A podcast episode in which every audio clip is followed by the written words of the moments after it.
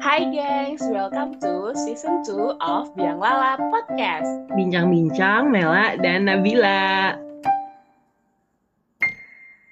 Hai geng Biang Lala, kembali lagi bersama Biang Lala Podcast. Yuhu. Nah, hari ini kita bakalan bahas tentang biggest insecurities. Kalau kalian udah pernah denger podcast kita waktu itu sama Kak Dwike, Aprilia, kita pernah bahas nih tentang quarter life crisis. Mungkin ini bakal berkaitan juga nih sama putaran itu gitu. Bener. Mungkin uh, boleh nih langsung diceritain aja deh Nap, cerita yang udah masuk ke Google Form kita. Oke, jadi hai, aku udah umur 25 tahun. Tapi insecure lihat teman-teman aku udah pada kerja, udah pada nikah, sedangkan aku baru mau meniti karir. Aku nggak tahu ini masuk ke quarter life crisis apa enggak, tapi aku merasa useless dan insecure dengan keadaanku yang begini. Aku dengerin podcast kalian yang putaran 7 yang bahas tentang insecure. Aku tahu seharusnya aku nggak compare myself dengan orang lain, apalagi yang nggak apple to apple. Aku udah coba positive thinking, but it's so hard. Belum lagi tuntutan dari keluarga untuk cepat menikah. Padahal aku masih ingin berkarir dulu. Oke, ini namanya H ya Nap ya? Iya. Dia Ini nulis. cewek apa cowok sih? Menyebutkan. kayaknya mana ya? Perempuan, perempuan. Oh, perempuan. Mm-mm. Gimana? Oh iya sih, ini uh, konstruksi sosial banget sih. Umur 25, cewek, ya Iya. harusnya udah nikah gitu nggak sih? Mm-mm. Bener. Mm-mm. Menurut aku kayak mau kamu umur berapapun, kalau kamu baru mau meniti karir gitu nggak apa-apa sih. Bener-bener. Jadi kayak umur tuh tidak membatasi kamu untuk berkembang. Mau kamu udah umur 30 ke atas, sebelum 25 baru mau meniti karir tuh ya nggak apa-apa. Mm-mm.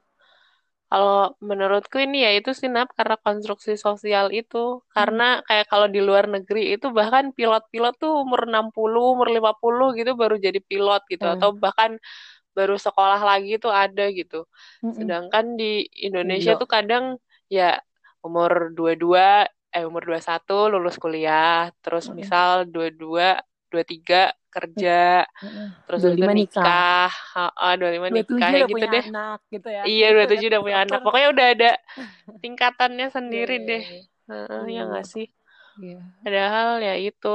Coba dipertanyain lagi, apalagi apa kita kalau misalnya mau nikah gitu, kalau misalnya cuma Mm-mm. menuhin ekspektasi orang lain kan nggak sehat juga. Mm-mm. Mm-mm. Karena maksudnya kalau nikah juga tuh apa nggak cuman kamu sendiri, tapi kayak kedua belah pihak keluarga gitu loh. Dan belum maksudnya belum faktor-faktor lainnya untuk mendukung pernikahan kayak finansial Bener. dan lain-lain. Hmm. Harus dipersiapkan juga. Jadi kalau aku ya, kalau menurut aku ha ya udah kamu niti karir aja nggak apa-apa kok umur 25 tahun itu baru meniti karir dan emang sih kita pasti tuh ada di masa kamu tuh bakal compare kamu sendiri sama orang lain tapi dengan seiring jalan waktu yang mengalir pasti kita juga bakal dapat titik di mana kita oh iya aku udah berhasil nih aku udah melewati masa-masa insecureku. Betul. Aku nih pernah dengar juga nih Nap cerita orang dia umur 30 tahun tapi bahkan Mhm. baru mulai nyusun karirnya lagi. Jadi dia kayak merasa baru menemukan passion tuh di umur 30 tahun gitu. Jadi dia selama Mhm. ini tuh udah kerja di perusahaan besar gitu dan gajinya udah Mhm. besar gitu, tapi dia merasa kayak nggak dapet apa-apa dari situ gitu. Kayak apa sih yang dia cari emang duit doang gitu. Emang buat apa sih duit gitu loh kayak gitu. Terus di umur 30 dia balikin lagi. Dulu aku tuh suka ngelukis loh. Aku tuh punya bakat seni gitu. Dan dia emang eh, suka seni gitu. Terus akhirnya di umur 30 dia keluar dari pekerjaannya dan dia pengen ngejar karirnya di bidang seni gitu. Dan menurutku ini normal banget gitu. Dia waktu itu juga sempat insecure karena ngelihat teman-temannya mungkin yang di bidang seni di umur 30 tuh udah dikenal sama banyak orang gitu, udah terkenal sedangkan dia baru mulai gitu. Nah, menurutku ya tapi akhirnya dia juga sebenarnya senang-senang aja gitu. Karena ya sebenarnya kebahagiaan itu kan nggak bisa ditentuin sama orang lain gitu. Kita yang milih sendiri gitu. Jadi um, itu sih eh, nggak uh, usah merasa kecil kalau umur 25 tahun baru meniti karir gitu. Ngelihat teman-temannya udah pada kerja. Karena ya uh, semua orang punya jalannya masing-masing gitu dan Benar. itu tuh normal banget Benar. umur 30 juga Benar. baru nemuin passion gitu. Jadi semangat, Ha. Hmm. Pokoknya lakuin apa aja hal yang buat kamu bahagia. Karena kalau kamu nggak bahagia, bakal apa berimpact sama mental health kamu. Apalagi kalau masa masa insecure gitu ya masih betul betul. Oke deh, mungkin kita lanjut ke cerita selanjutnya kali ya, Nap. Betul. Oke, ini cerita dari R nih namanya. Ini kenapa hari ini namanya inisial semua ya? Biasanya kemarin ada iya. mawar, bunga gitu. Iya, kemarin bunga-bunga. ini hari ini nama inisial semua H dan R. Uh, jadi ini dari R, uh, aku ngerasa sekarang aku berada di lingkungan yang isinya orang-orang ambisius, high achiever semua gitu deh bahasanya rasanya aku selalu kurang gitu. Walaupun aku sadar sebenarnya tujuan masing-masing dari kita pasti berbeda-beda, tapi tetap aja aku hmm. sering banding-bandingin diri aku sama mereka. Waktu aku udah mencapai sesuatu, aku seneng banget rasanya. Tapi kemudian ngelihat lagi mereka yang ternyata lebih hebat lagi, kayaknya kok aku nggak ada apa-apanya gitu. Kayak apaan sih? orang lain bisa kayak gitu, aku kok kayak gini doang. Jadinya aku selalu ngerasa kurang dan selalu ngerendahin diri sendiri sebenarnya mungkin ada positifnya ya. Jadi aku selalu pengen maju, tapi jadinya suka sedih sendiri dan ngerasa diri ini nggak berharga banget. Bahkan saat itu aku pernah di tahap waktu dulu mencari pekerjaan harus di perusahaan bonafit yang padahal aku nggak ingin. Jadi cuma semena-mena pengen prestige dan gelarnya. Jadi ada pesan nih dari R. Katanya nih lingkungan high achiever tuh nggak mesti end resultnya high achieve. Dan jangan banding-bandingin sama orang lain, tapi bandingin sama diri kamu sebelumnya. Hmm. Coba kita refleksiin what went well. Apa sih yang udah baik, yang udah terjadi. Yang kedua, alangkah baiknya kalau harusnya sebelumnya aku ngelakuin apa aja sih untuk memperbaiki diriku. Hmm. Yang ketiga, apa aja sih yang aku pelajarin dari kegagalan dan pengalaman-pengalaman yang aku alami. Hmm. Gitu, kata R. Duh, berat ya.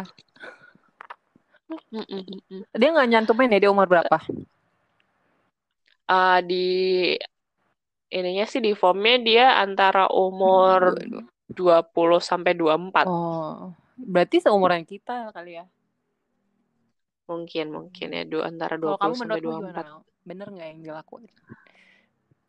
Kalau menurutku bener banget sih. Mungkin ini berkaitan juga nih sama H yang dia uh, banding-bandingin sama orang lain gitu. Dan dia berusaha biar nggak banding-banding sama orang lain karena itu nggak apple to apple. Ya benar gitu. R ini juga setuju karena ya benar nggak apple to apple. Kayak kalau kita banding sama orang lain mindsetnya beda situasinya beda orangnya beda pikirannya beda gitu. Jadi ya apa yang mau dibandingin gitu bandinginnya sama diri kita sendiri sebelumnya hmm. gitu.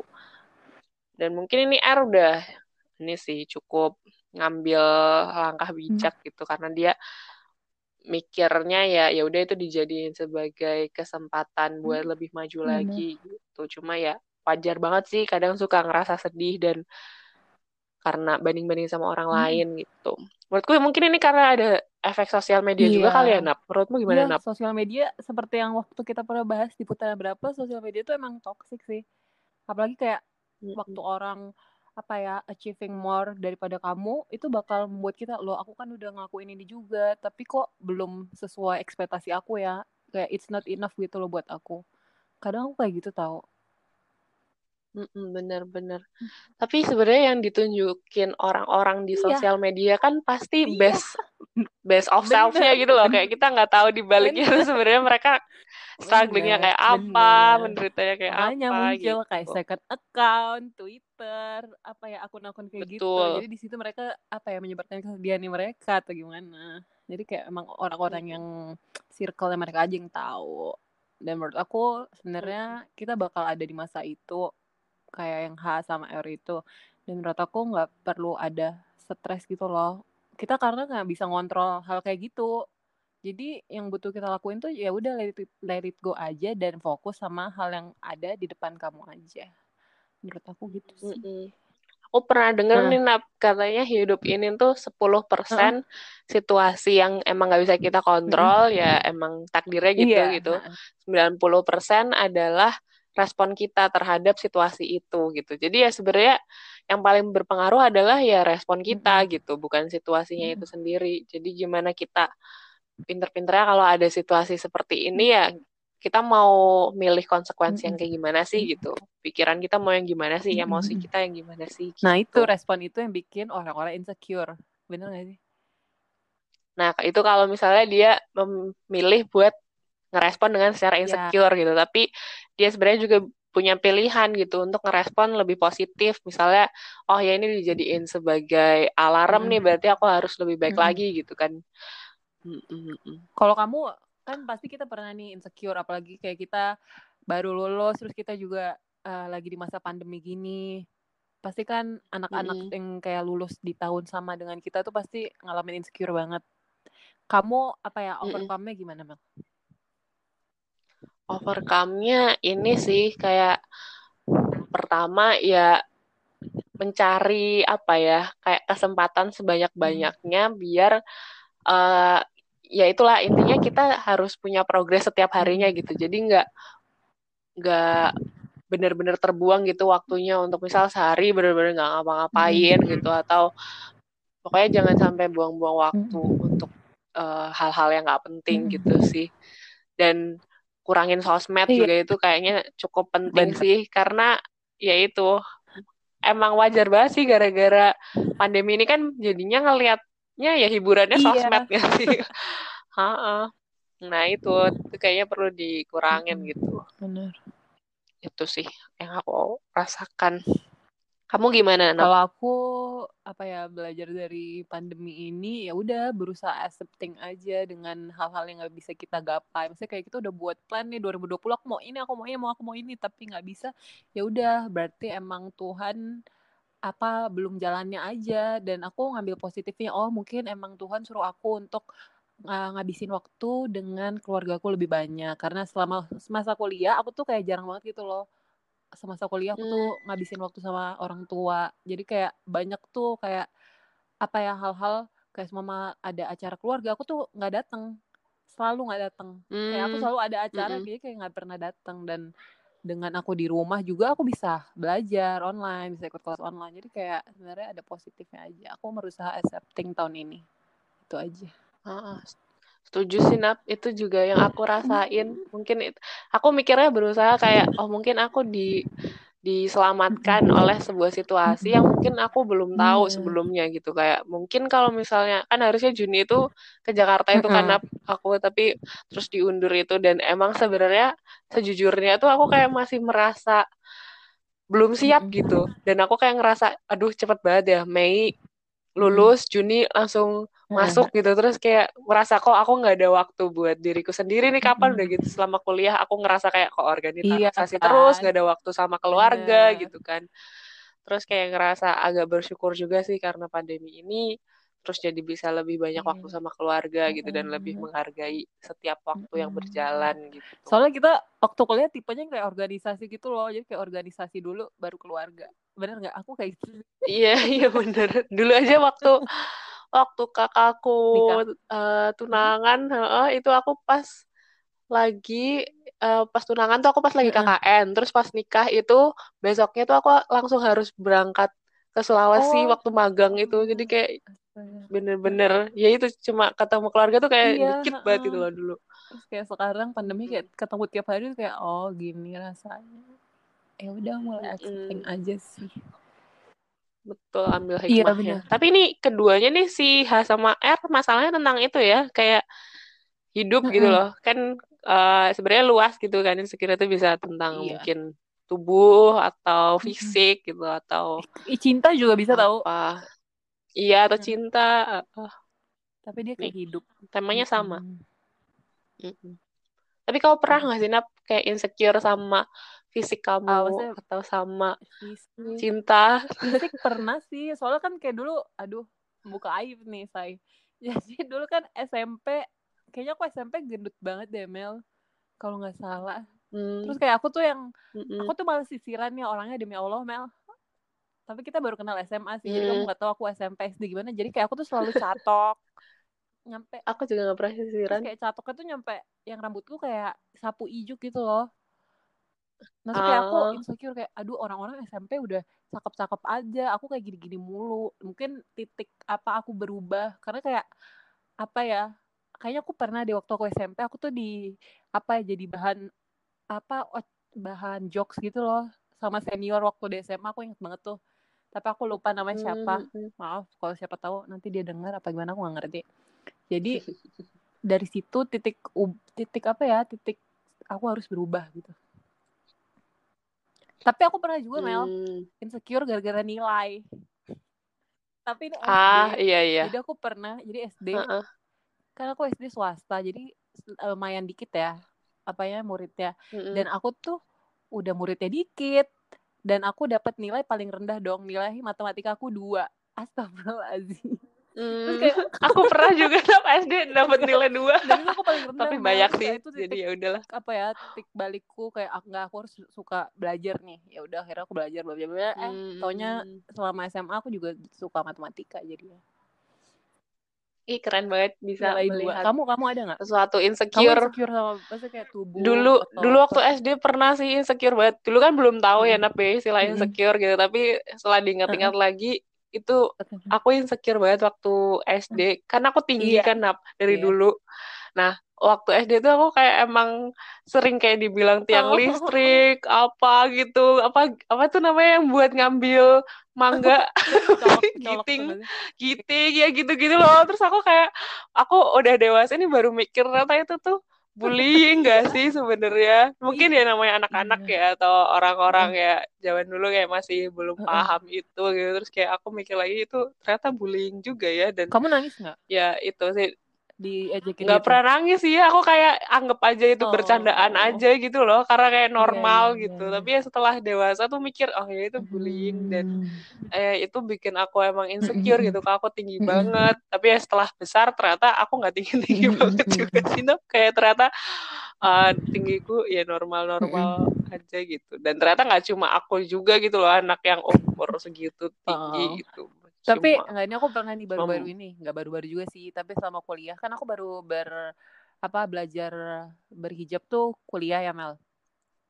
Aku pernah kayak insecure kalau aku pakai jilbab ini aku bakal dibatasi nggak ya pola gerakku? Aku pernah kayak gitu tahu mikir.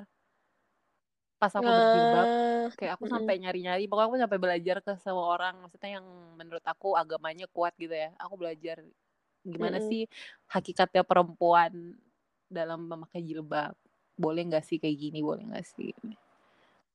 Oh, aku pernah oh, gitu. terus gimana nap? Ya udah. Yang kamu dapetin yang aku dapetin? adalah nggak apa eh sebenarnya ada banyak sih. Ada yang bilang nggak boleh ada yang bilang boleh tapi tergantung kamu mempercayai siapa. Tapi setelah yang aku dapetin se pokoknya selama itu selama itu memberikan hal yang positif buat kamu sama orang sekitarmu tuh nggak apa-apa sih. Hmm. Kalau kamu mau mau hmm, ngapain hmm, sesuatu dengan berjilbab kan biasa orang, aduh, aku takut membahas agama soalnya ntar dibilangnya gimana gitu. Ah, ya udah deh, ntar kita diskusi iya, berdua aja ini aja, jangan di sini. Jadi biar okay. bisa belak belakan gitu loh. Mm -mm. Mungkin kita uh, rangkum nih dari dua cerita ini. Menurut kamu gimana Nap? Dari kamu Kalau dulu menurut nih? aku untuk H sama R kan sama-sama mereka tuh insecure tentang kehidupan mereka. Jadi eh, nggak uh, apa-apa. Pokoknya ikutin aja alurnya insecure itu. Tapi kamu harus respon dengan hal-hal yang positif untuk keluar dari zona insecure itu. Dengan semua melakukan hal-hal yang positif. Terus juga uh, apa ya berusaha accepting aja dan nggak apa-apa kalau seumpama kamu seumpama baru meniti karir kayak H tuh di umur segitu. Kamu hmm. kamu. Kalau aku mungkin pesan buat H dan R tumbuhkan ini sih self love hmm. kayak kemarin yeah. kita juga sempat bahas ini dikit ya. Jadi coba lebih menghargai hmm. diri sendiri hmm. gitu, kenali kekuatan hmm. dan kualitas diri kamu gitu self love ini bukan berarti yang egois yang kayak ah, aku udah merasa cukup aku udah nggak perlu ada yang perlu ditingkatin lagi tapi nggak gitu tapi lebih yang kayak menerima kekurangan sama uh, kelebihan diri juga diterima hmm. gitu. Jadi jangan cuma fokus sama kekurangan aja, tapi juga fokus sama kelebihan dan berusaha cari tahu nih kira-kira gimana caranya mengatasi kekurangan-kekurangan kita hmm. gitu dan gak ada salahnya gitu untuk terus berproses dan sedikit-sedikit gitu prosesnya karena ya nggak bisa yang penting nggak bisa langsung uh, karena gitu. iya nggak bisa instan nggak bisa instan dan ya nggak apa-apa untuk uh, progres kecil-kecil hmm. gitu yang penting uh, kita tahu apa yang harus dilakukan hmm. gitu. Yeay, semangat hmm, dan Makasih ya juga udah mau cerita ke kita. Hmm, aku nggak nyangka loh ternyata uh, ada juga yang cerita yang bukan iya. teman-teman kita gitu. iya, aku nggak nyangka juga. Oke okay, deh. orang-orang dengerin podcast kita. Makasih ya udah dengerin. Mm-mm. Jangan lupa kita minggu depan juga ada iya. cerita lagi. Jadi Jangan lupa diikutin terus Instagram kita ya. Semangat H dan R dan mungkin teman-teman semuanya yang mengalami hal yang serupa. Semoga kalian bisa mengatasi hal itu. Dan sampai jumpa di putaran selanjutnya. Bye-bye. Bye, gengs. Thank you for sharing and listening. Aku Mela. Aku Nabila. Sampai jumpa di cerita Biang Lala selanjutnya.